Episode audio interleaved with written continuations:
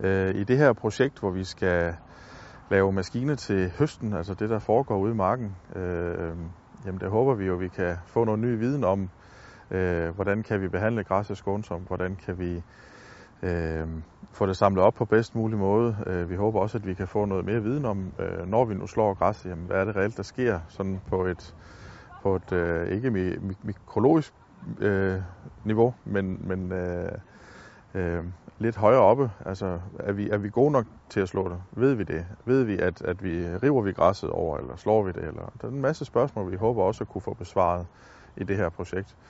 Og så håber vi selvfølgelig også, at vi kan komme frem med et produkt i sidste ende, som, øh, som øh, kan gøre det muligt, og som kan gøre det rentabelt og, øh, at producere protein her i øh, Danmark. Jamen, vores maskine skal kunne klippe græsset af, altså slå græsset af, klippe det af, og så skal den kunne samle det op øh, i en arbejdsgang, sådan så det ikke kommer ned og rører jorden, som vi jo typisk gør i dag.